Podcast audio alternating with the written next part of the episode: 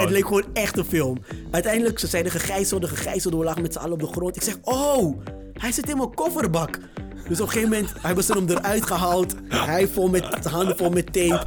Dus wat dachten die agenten nou? Ze dachten dus... Ja, dat het echt we, was. Ja, Ja. dat we iemand ontvoerd hadden. En uiteindelijk... oude gek, jongen. Welkom bij de Goed, Beter, Best podcast van Move. Mijn naam is Henk Jan en als vrolijke PKN'er zoek ik samen met de katholieke Paul en evangelische Godwin uit wat het leven nou goed, beter of best maakt. Iedere week gaan we met elkaar in gesprek en behandelen we de onderwerpen die er echt toe doen. Je favoriete podcastpanel is er weer. We lullen wat af en we hebben het soms heel gezellig. Vandaag gaan we daarom maar eens wat grenzen verleggen. Today's topic is je comfortzone. Waar liggen je grenzen en in hoeverre moet je jezelf willen uitdagen in het leven? We bespreken jullie antwoorden op de vraag welke rol comfortzone speelt in onze community. En Godwin vertelt hoe die onder schot is gehouden door tientallen politieagenten. True story.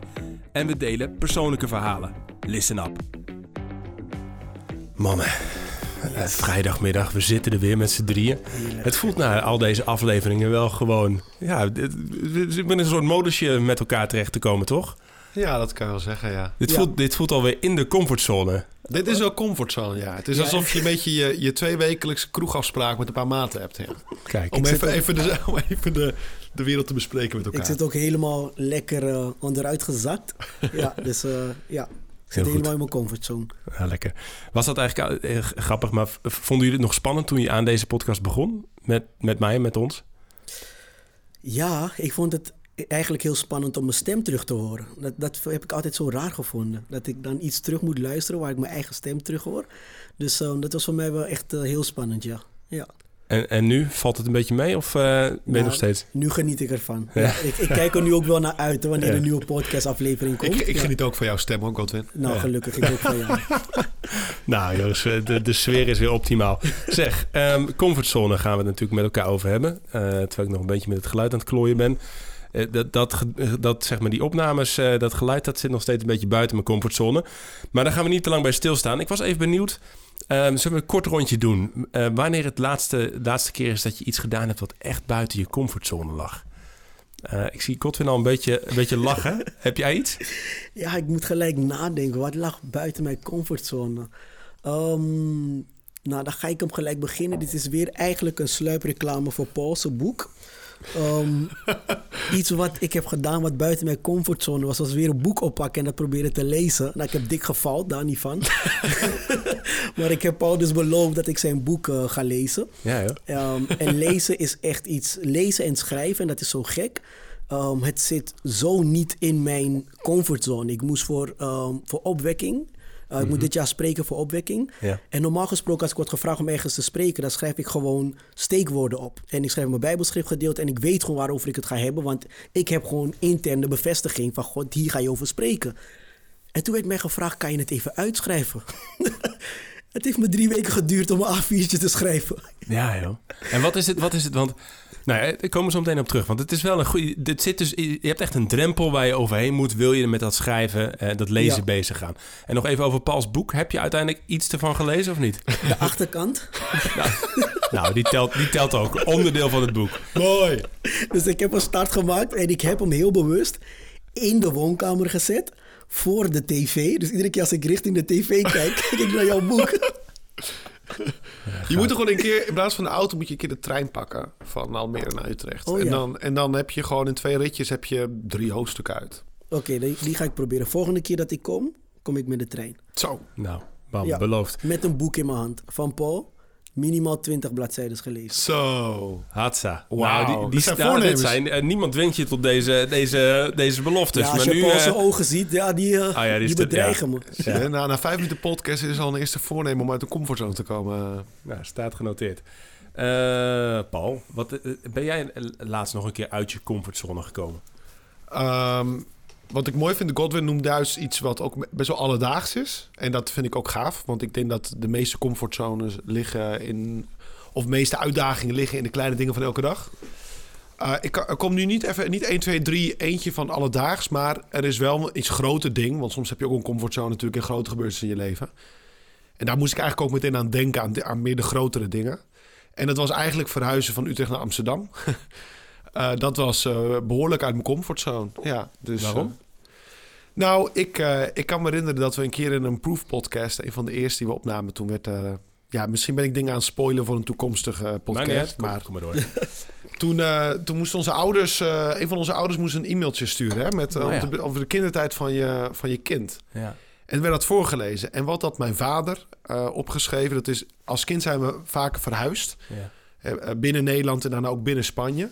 En zei van Paul had het meeste moeite met eh, verhuizen. Uh-huh. Daarna kon hij wel al snel, snel vriendjes maken, et cetera.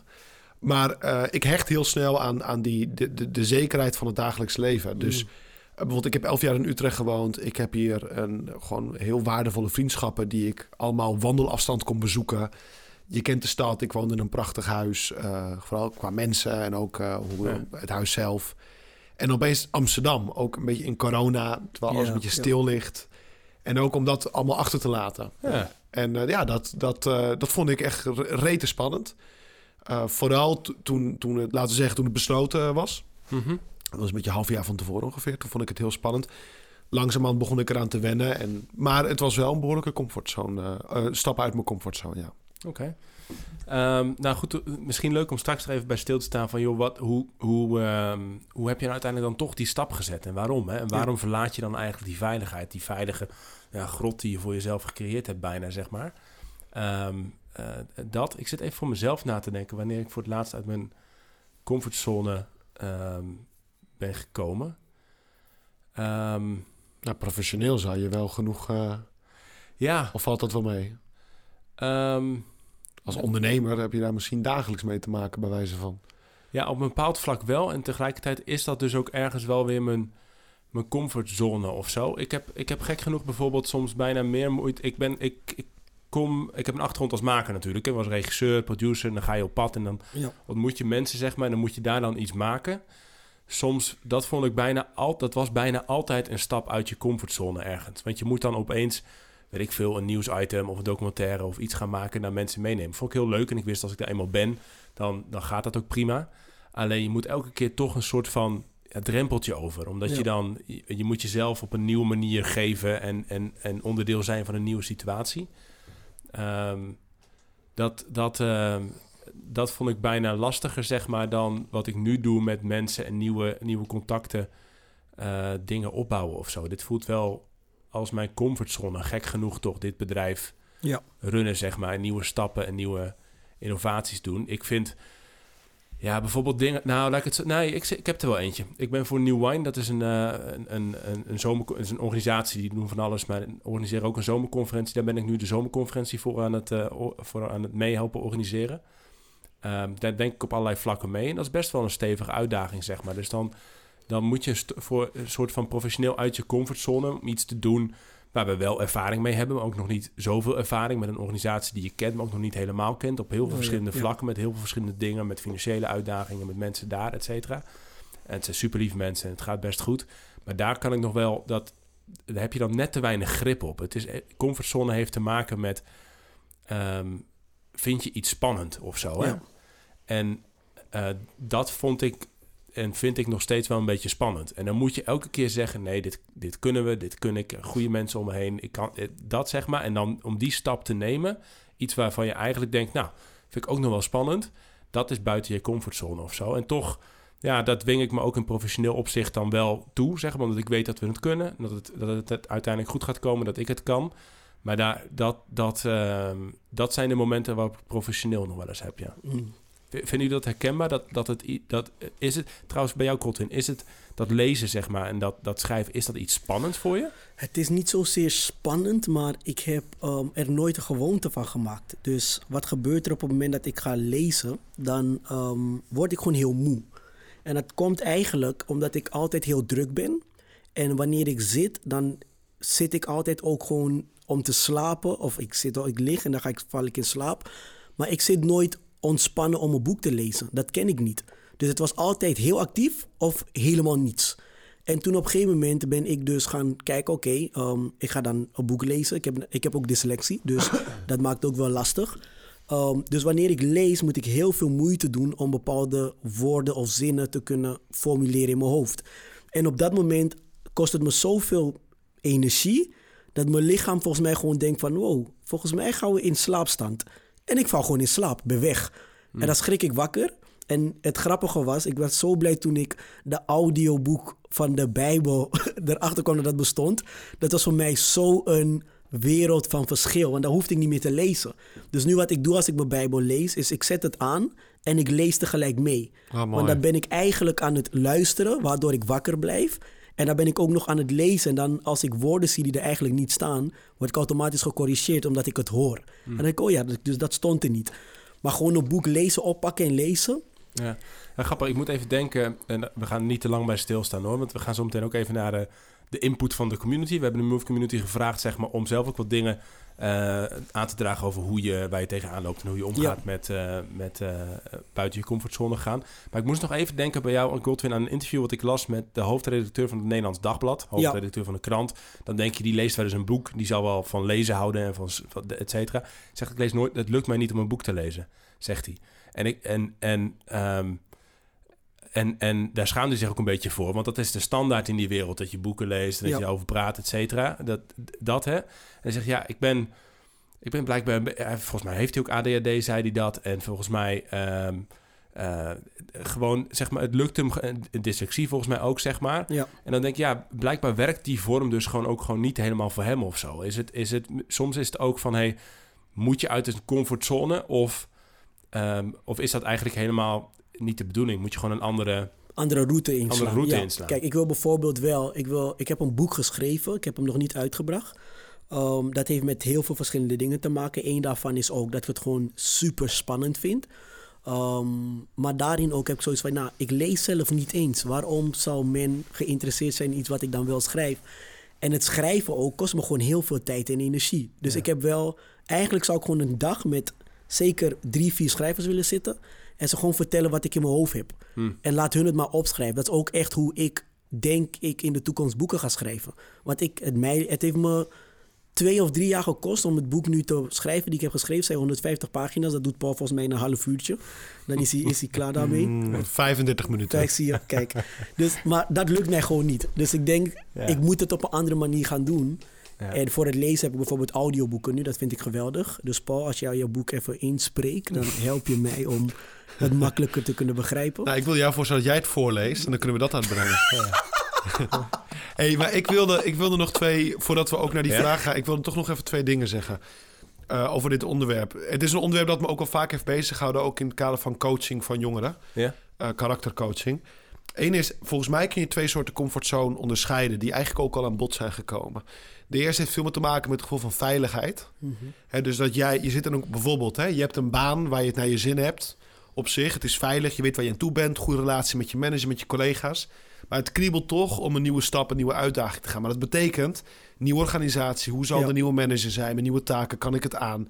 Dat heeft veel meer met veiligheid te maken. Een beetje wat jij dus had, hè? Met je stad Ja. verlaten en dan naar een andere andere Precies, dus dat is een comfortzone van veiligheid. Hè? Ja. Inderdaad, van zal ik in Amsterdam ook leuke mensen ontmoeten? Zal ik het ook naar mijn zin hebben? Het, Ja. Zal ik Utrecht te veel missen? Dat heeft met veiligheid. De tweede, en dat komt denk ik meer bij Godwin... dat is een comfortzone van gewoontes. Dat heeft meer te maken met inspanningen. Ja, En het is niet dat je ze altijd heel zwart-wit van elkaar kan scheiden. Maar het tweede heeft te maken met bijvoorbeeld nieuwe gewoontes eh, opbouwen. Hè? Iemand bijvoorbeeld die op dieet wil gaan. Iemand die bijvoorbeeld een, een, een nieuw roos wil eerder opstaan... om meer de aandacht aan bepaalde dingen te, te schenken. Ja. We hebben het over, over voornemens, eh, de vaste tijd. ja. Daar heb je comfort zo van... ja, ik ben gewoon heel gewend om altijd... Ik denk ook bijvoorbeeld aan dingen van je telefoongebruik... Eh, dat is ook een comfortzone. Ja. Want gewoontes geven je rust. En een gewoonte doorbreken vergt gewoon inspanning en energie. Ja. Of iets wat je eigenlijk niet goed ligt, toch oppakken of doen, et cetera. precies. Dat, dat, ja, dat, Ja. een mooi onderscheid. Dat is denk ik, fijn dat je dat doet. Dat is echt wel verhelderend, denk ik, om het uit elkaar te trekken, Ja. die twee dingen. En, en, een, en een tweede ding, dat is meer eigenlijk over wat jullie bespraken van ehm, dat lezen en het ND, hoofdredacteur in Godwin.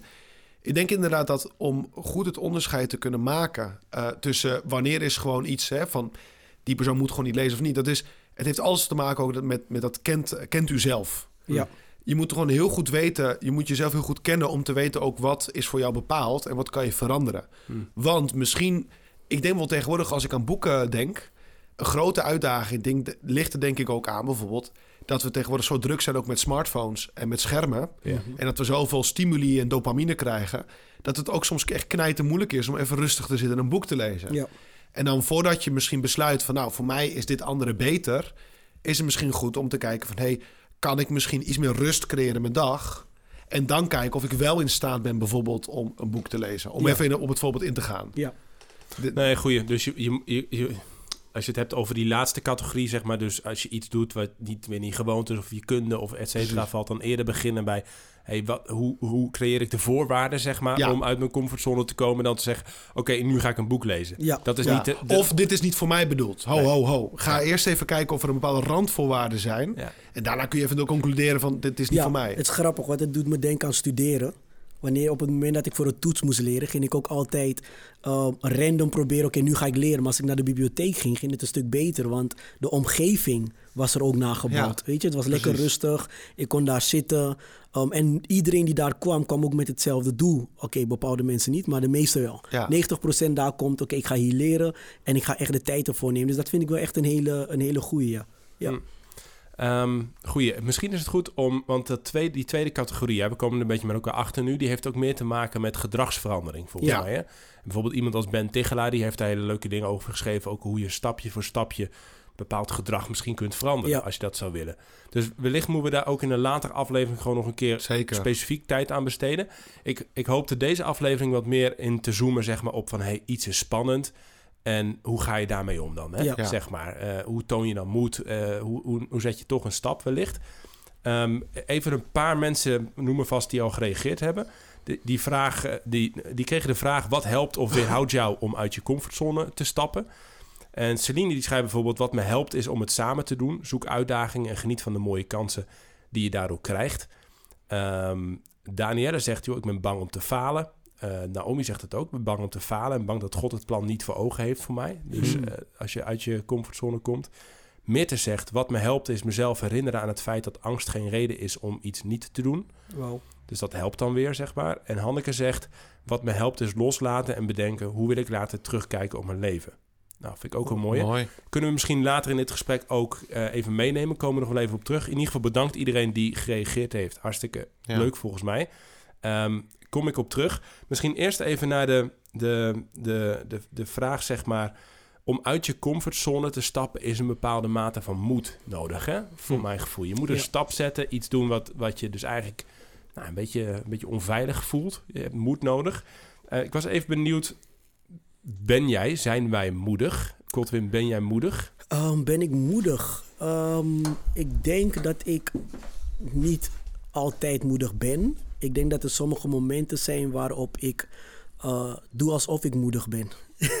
Door gewoon bepaalde dingen te doen. Ja, Eh, wat bedoel ik daarmee? Nou, ik, ik kom even terug op het, op het stukje van, eh, van Paul, waar hij het over had dat je als je een goede baan hebt. Ehm, voordat ik begon met ondernemen had ik dat. En ik zat echt in een, ehm, in een fase. Ik zou gaan trouwen. Ik had een goede baan. en alles ging echt wel lekker. Dus ik, ik had heel... Ja, ik had op die positie kunnen blijven, weet je. En toen wilde ik, ik ervaarde ik echt van... Oké, ik moet echt iets zelf gaan doen. Echt iets zelf neerzetten.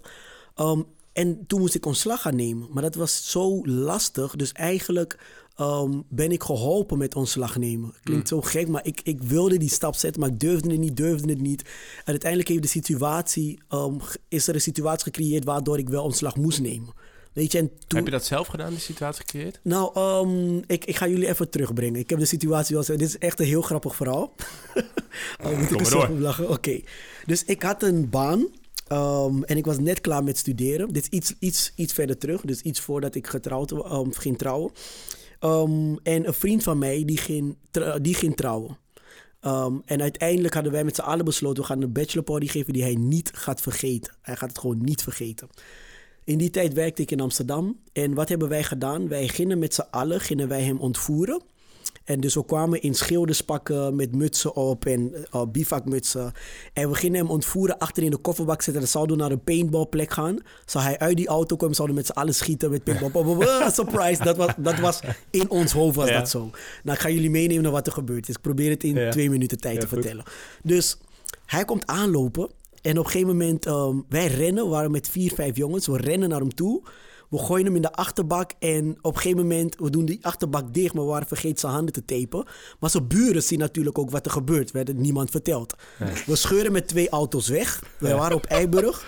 We rijden weg en op een gegeven moment, echt gewoon vet hard rijden we gewoon eh, de snelweg op. En we horen op een gegeven moment in de auto waar ik zat, hoor ik alleen boem, boem, boem. En ik denk, hè? Dus hadden wij die twee stoelen. Je weet toch, in de auto kan je Ja. in de, die twee stoelen naar achter zetten. Ja. En dan kan je in de kofferbak kijken. Dus hadden die twee jongens gedaan die bij mij in de auto zaten. We hadden de auto trouwens nog geleend. Het was niet onze eigen auto. En die vriend van me, die achterin zat, begon hun te slaan. Dus wat doen hun? Ze slaan hem terug en proberen hem rustig te houden. Dus mensen op de snelweg zien gewoon mensen in de achterbak gewoon iemand vet hard slaan. Op een gegeven moment vroeg ik, waar is die tape? Waar is die tape? Bleek die tape, en jongens, dit verzin ik niet, dit is echt waar. De tape bleek in de andere auto te zitten. Dus we rijden gewoon 120 op de snelweg. Doe dit alsjeblieft niet na. En vanuit die ene auto zet iemand zijn hand en zijn halve lichaam de auto uit... om die tape te geven aan die andere die bij mij in de auto zit. Op een gegeven moment ze tapen hem vast. We rijden, we kwamen bij Muiden. En toen gingen we van boven naar, ben- gingen we naar beneden. En ik zie opeens echt gewoon vet veel politie. Gewoon bijna 20 tot 30 auto's zie ik staan. En ik zeg tegen die jongen naast me nog... Hey, doe je gordel om, want er is politie. Doe je gewoon om.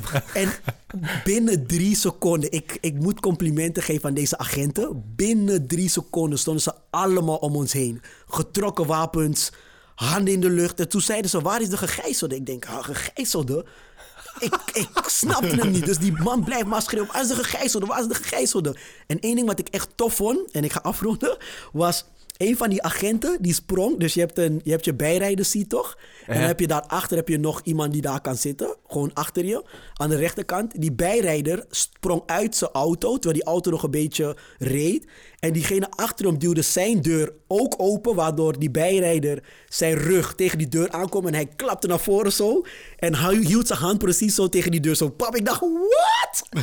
Het leek een actiescène Ja, gewoon. het leek gewoon echt een film. Uiteindelijk, ze zeiden gegijzelde, gegijzelde. We lagen met z'n allen op de grond. Ik zeg, oh, hij zit in mijn kofferbak. Dus op een gegeven moment hebben ze hem eruit gehaald. Hij vol met handen vol met tape. Dus wat dachten die agenten nou? Ze dachten dus... Ja, dat het echt we- was. Ja, Ja. dat we iemand ontvoerd hadden. En Ja, uiteindelijk, ouwe gek, jongen. gelukkig herkende hij onze stem. Dus we kwamen op het politiebureau, werden we allemaal... We werden naar de, politie, naar de politiebureau gebracht met een... Je had een auto, een busje, een auto, een busje, een auto, een busje. We moesten allemaal in busjes met auto's ertussen en we reden. Niemand mocht met elkaar praten.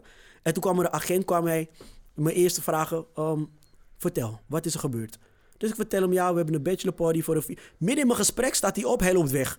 Ik denk, oké, komt er een tweede agent. Oké, vertel, wat is er gebeurd? Dat hebben ze gewoon tot vier keer aan toegedaan om te weten of het verhaal dus echt klopte.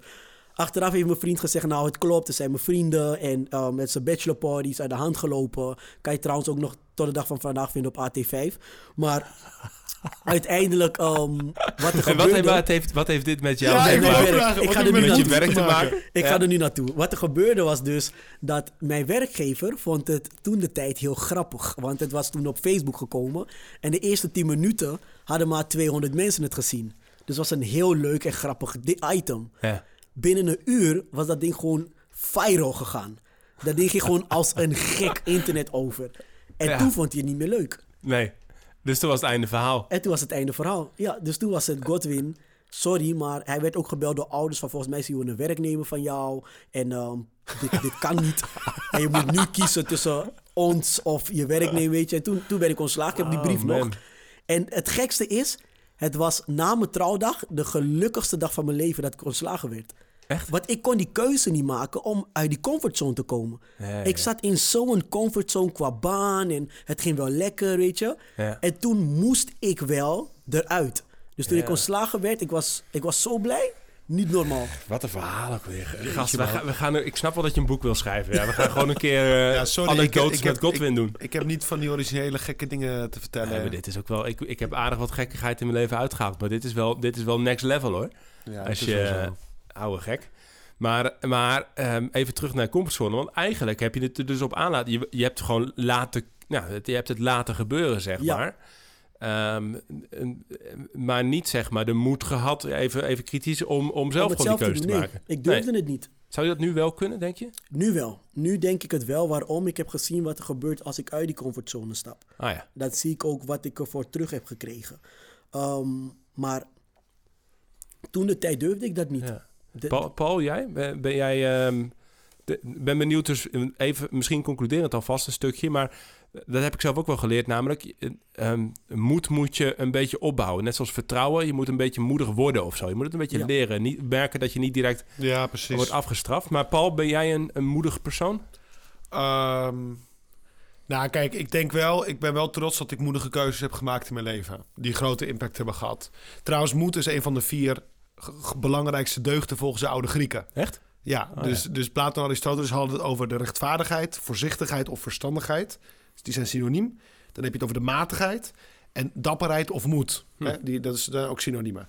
En als deugd is het inderdaad niet iets wat je... Iemand kan een aanleg hebben, maar je moet erin groeien. Ja. En, het, en dat groeit door gedragsverandering, door keuzes. Eigenlijk wat Godwin zegt is een mooi voorbeeld van... op dat moment was hij nog een beetje een scheiterd, zegt hij, op dit gebied. Maar dan op een gegeven moment gebeuren dingen... en dan met de ervaring gaat... en, en ook niet alleen de ervaring, maar ook dat bepaalde dingen je, je hart ook meer gaan beïnvloeden, Ja. gaan vormen... dan wordt het ook makkelijk om een deugd uit te oefenen. Als ik kijk naar mijn leven... eh, kijk, zoals elke deugd, ik kan erin blijven groeien... en het gaat niet altijd, hè. Soms kan ik moediger zijn. Vooral in kleine dingetjes van het dagelijks leven. Ja.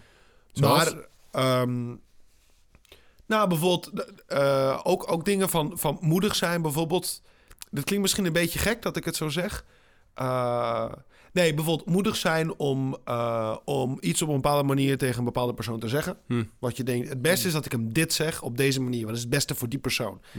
Alleen ja, misschien wat, je ga, wat ik ga zeggen is niet het leukste wat ik ga zeggen. Hè, misschien is het awkward. Mhm. Eh, en dan, of voor mijn part dat je in een stiltecoupé zit. Nou, daar ben ik wel gegroeid trouwens. Stiltecoupé aan het lezen en dat iemand aan het praten is. En weer op een vriendelijke maar duidelijke manier tegen een persoon te zeggen... kunt u alsjeblieft weggaan. En dan heb ik het over dit soort dingetjes. Moedig zijn om, om gewoon te besluiten van... hé, hey, ik stop nu met mijn telefoon checken. Ik ga gewoon aan de bak, want dat is wat ik moet doen. Hm. Ja. Hè, dus een beetje het, het zoggen. eh, Dus de eh, confrontatie durven aangaan met je omgeving of met jezelf, zeg maar. Dat. Precies, ja. En soms dan, ja, dan kies je de makkelijke weg. De, makkelijke weg, ja. Ja. Of, eh, precies, en dat kan en, met en, alles en, nog en in de grote dingen, want je hebt dus wel in de grote levenskeuzes toon je wel moed. Ik heb wel moed getoond in grote levenskeuzes, ja. En eh, daar ben ik heel dankbaar voor. En dat is ook wel genade en omgeving geweest. Sociale omgeving. Maar natuurlijk, dat is ook dat, dat ik het zelf gewoon heb gedaan. Eentje is bijvoorbeeld eh, het levenspad bewandelen... Wat ik, wat ik aan bewandelen ben. En dat is om die persoonlijke relatie met Jezus aan te gaan... en een celibataire roeping. Ja. Nou, dat besluit op je zestiende vergt wel vertrouwen ook. Ja. Maar ook moed. En dat gaat vaak samen natuurlijk. Ja. En de andere is bijvoorbeeld verhuizen van Madrid, waar ik het enorm naar mijn zin had. Eh mijn studententijd, om te verhuizen naar Nederland. Omdat ik dacht, het is beter dat ik in Nederland ben. Hè, voor het beleven ook van, mijn- van mijn roeping. En was je dan heel voor, voorafgaande aan die beslissingen? Hè? Want we hebben een aantal mensen die ook zeggen... Joh, ik ben bang om te falen of bang dat het Gods plan niet is. Dus schrijft Naomi bijvoorbeeld. Had jij dat soort gevoelens ook vooraf? Voordat je naar Ja. Nederland ging, voordat je naar Amsterdam nu verhuisde... voordat je koos om celibatair te gaan leven? Ja, dat is eigenlijk is het een. eh, aan de kant, er is altijd wel een bepaalde grond van zekerheid geweest. Bijvoorbeeld, ik dacht bij mezelf, ik ga naar Nederland. En weet je, als er na een jaar niks wordt, dan ga ik gewoon terug. En dan is het geen probleem. Heb ik dan gefaald? Ik heb geen idee. Maar weet je, ik doe het met een goede intentie. Ik heb goed nagedacht over deze keus. Ik denk ook dat het Gods wil is, dus we gaan ervoor. En ik heb zowel mensen in Spanje als in Nederland die me kunnen opvangen, die me kunnen steunen en die ook het beste voor me willen. Dus ik ga niet op een dwaalspoor terechtkomen. Bij het geval van, van mijn roeping is het eigenlijk hetzelfde. Ik zei ook tegen God toen ik die keus maakte: van kijk, zelf heb ik bijna, eh, had ik eigenlijk andere plannen. Mm. Uh, maar ik doe het voor u. ik doe het niet. Ik doe het niet voor, dus als uh, in de zin van ik, ik meen oprecht dat ik een zuivere intentie had. Hè, dat ik het echt deed om Gods wil te vervullen. Ja. Dus, dus lieve heer, als, als jij het niet wil, eh, dan zal je het wel aangeven. Want, want ja, weet je, dit is niet. Uh, het is niet dat je een keuze hebt van goh. Zou God dit wel willen? Nee, ik probeer oprecht de wil van God te doen. Ja. Hm. Maar ja, je kan ook nog niet 100% zeker weten of het zijn wil is. Hm. Dus dat, maar dat gaf genoeg vertrouwen, genoeg Absoluut. basis om dan ook een moedige keuze te kunnen Ja. maken. Zeg maar. Plus natuurlijk dat een aantal mensen in mijn omgeving, uh, in wiens oordeel en advies ik heel veel waarde hecht, Uh-huh. Uh, uh, laten we zeggen, na een advies te hebben, dat ik een advies had gevraagd. Ja. Dus laten we het eens even plat slaan. Even, en ik pak mezelf er ook nog even bij. Ja, ik heb ben zelf, ook even benieuwd naar jou. Ja. ja, Maar ik hoor in ieder geval even een paar dingen vast, zeg maar, waar ik me wel bij aan kan sluiten. Namelijk ehm, eh, overleg met je omgeving. Zeg maar, je omgeving is best wel belangrijk. Je hoeft het niet alleen te doen, zeg maar. Ook Ja. als je ergens denkt van, hey, ik wil, moet ik uit deze comfort, moet ik een stap zetten? hè? Nou, vraag mensen. De, Celine zegt dat ook, doe het samen. Ja. Ehm, eh, het is zoek God en durf daar ook op te vertrouwen ergens, zeg maar. En Ja. dan, dan, dan weet dat het een roeping is. Ik zou er nog een, ehm, een bijna pragmatische aan toe willen voegen. Namelijk, just give it a try, weet je. Mm. Probeer, weet je, zonder dat je, dat je maar gewoon wat gaat doen. Hè? Daar geloof ik ook niet zo in. Maar je hebt maar een beperkt beeld van de toekomst. Je hebt maar een beperkte... Het leven is niet altijd maakbaar. Het, je, hebt, je weet niet precies hoe het leven er over Precies, een paar ja. jaar uitziet. Eh, Gods plan is ook niet zoiets als wat voor mij in beton gegoten ligt. Als van God heeft dat al helemaal uitgestippeld. Ja. Nee, ik denk... God heeft een hart voor jou, heeft eh, hoopt dat jij op de weg van het goede gaat, zeg maar.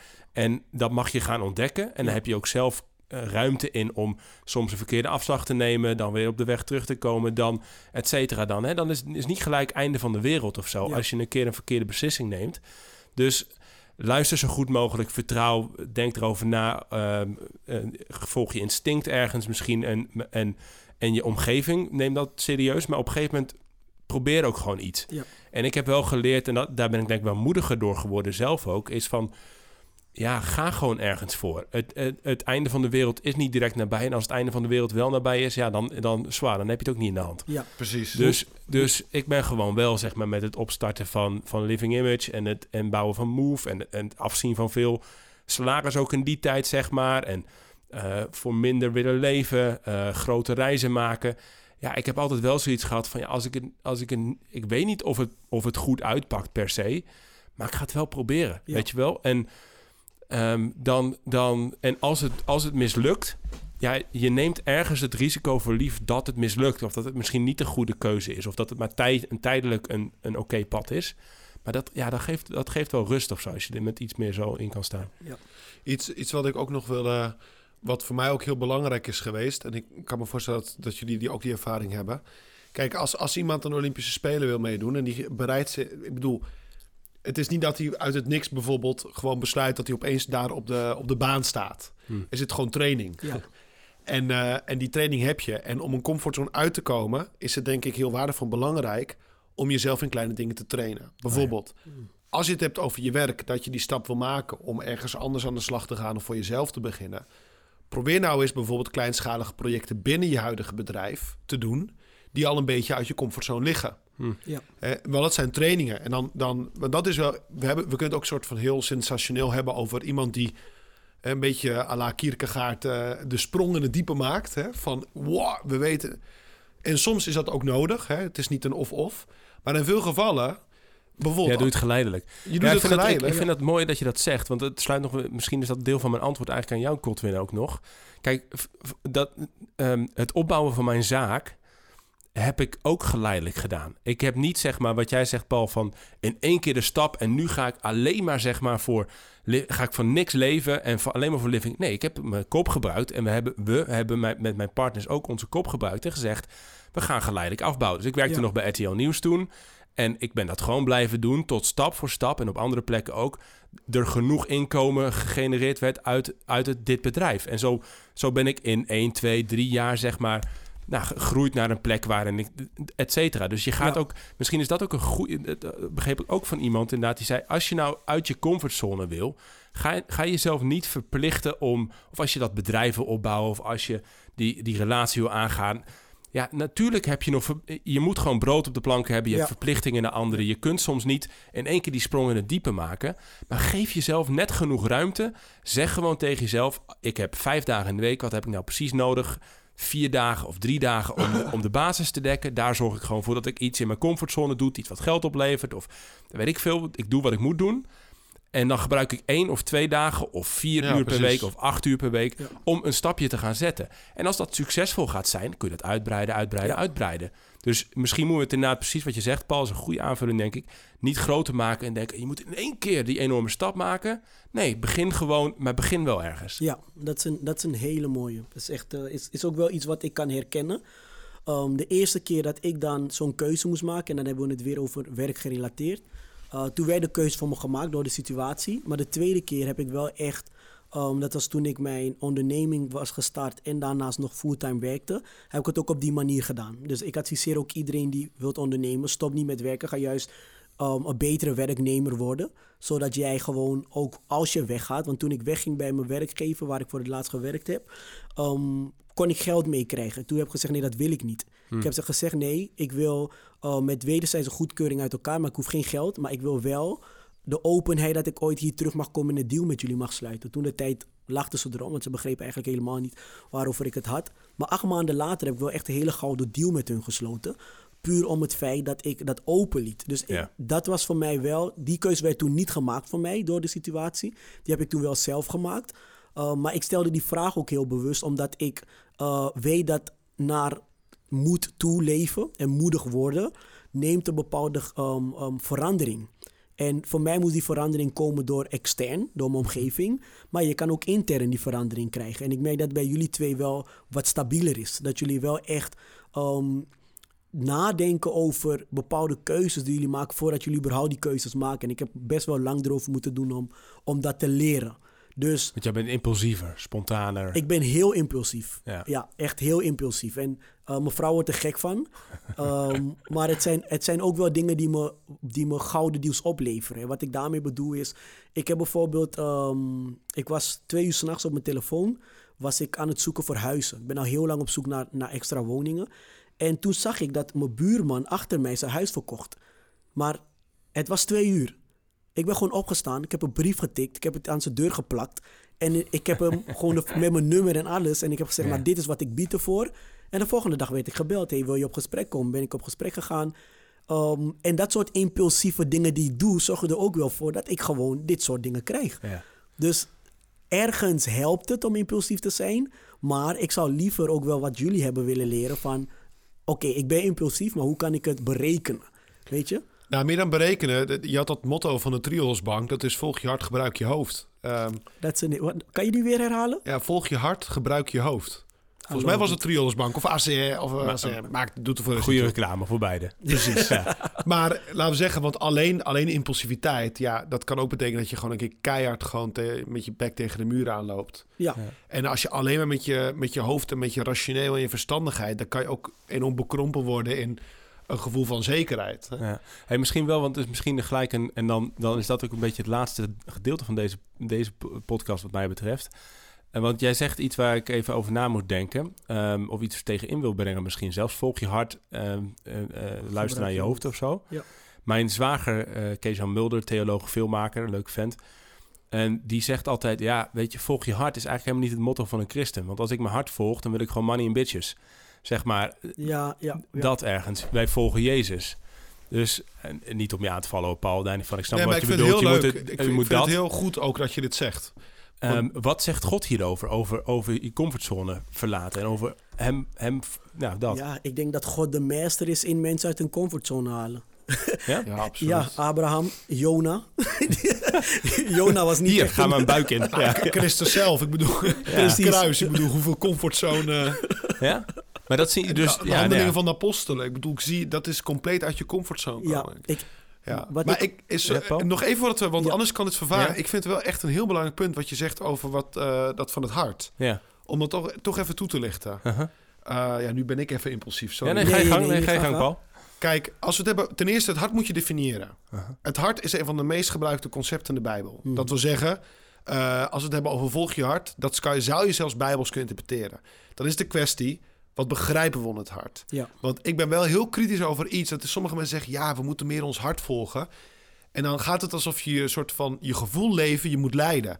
Maar dan inderdaad, ja, dan komen we bij seks, alcohol, drugs en rock'n'roll.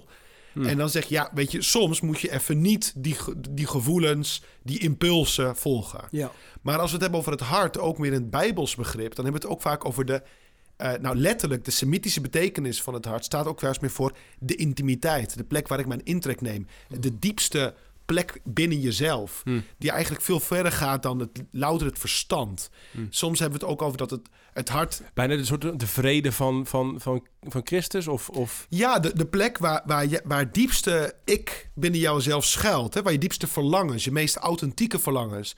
Verlangens naar zingeving, waarheid, schoonheid. Dat is een diepere kamer die Ja. je ook... En dat is, die bereik je niet zomaar. Hè? Dat, dat, dat is ook dat is zo- luisteren naar wat God van je wil. Hm. Eh, betekent denk ik ook in heel veel gevallen...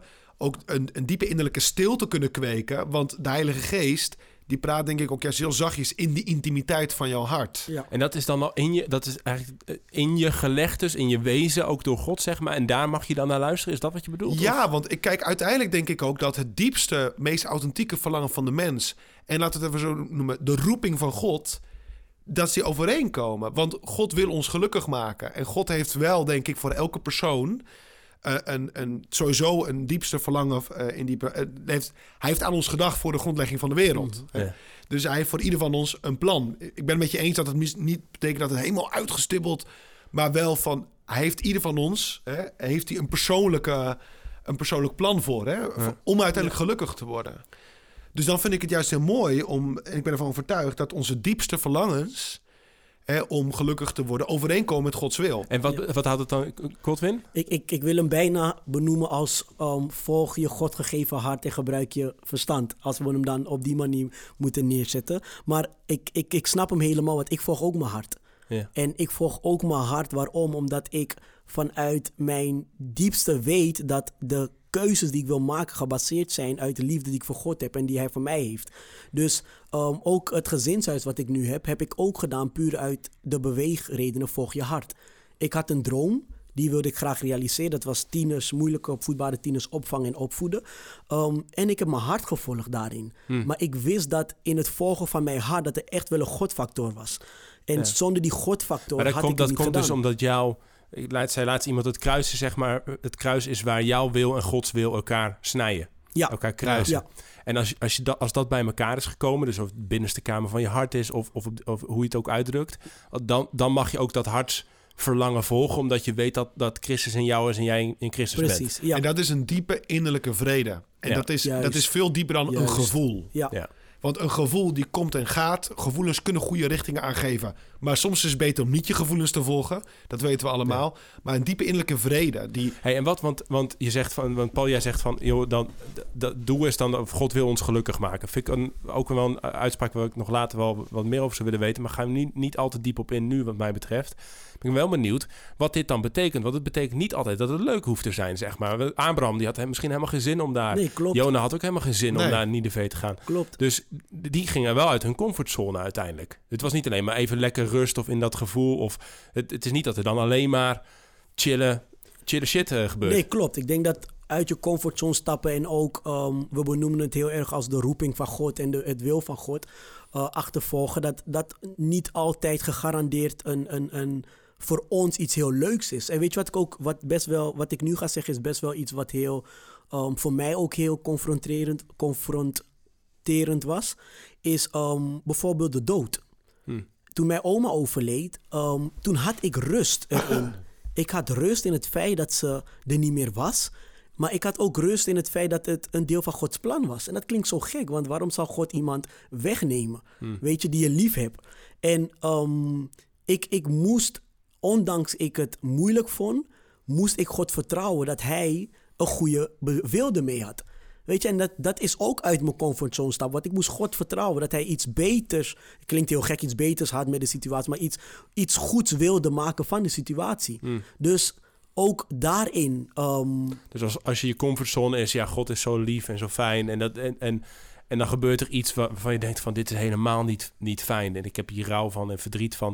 Maar ik moet nog steeds, dat is ook een stap uit je comfortzone in, in, met, in vertrouwen op God bijvoorbeeld ja, dan. ja, Ja, Ja. en ik, ik denk dat dit een van de, dit is een van de belangrijkste dingen. Ook trouwens in alle workshops en, en, en, en lezingen die ik geef en in het boek wat ik, eh, wat, wat ik geschreven heb, is een van mijn belangrijkste ehm, argumenten of eh, ideeën die ik over, wil overbrengen, is alle waardevolle idealen in je leven.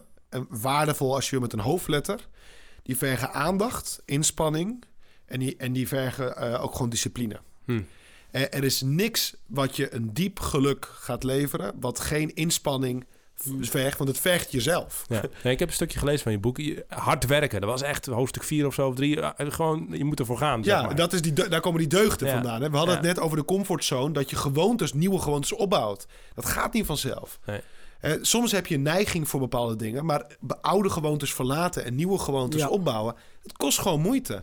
En ik irriteer me soms ook een beetje tegenwoordig aan.